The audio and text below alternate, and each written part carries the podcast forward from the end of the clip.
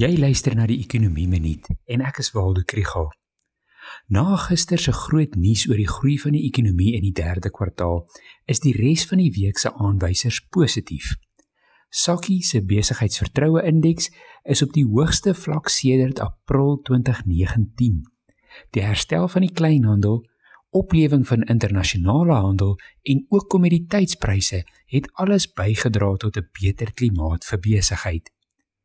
VPI syfers wys dat verbruikersprysinflasie effens afgeneem het vanaf 3,3% in Oktober na 3,2% in November. Voedselpryse was weer die kategorie wat die grootste prysstygings beleef het. Die rand het Dinsdag vir die eerste keer in 10 maande onder die vlak van R15 teen die dollar verhandel. Dit word toegeskryf aan die beter as verwagte groeisyfers en beter internasionale vooruitsigte.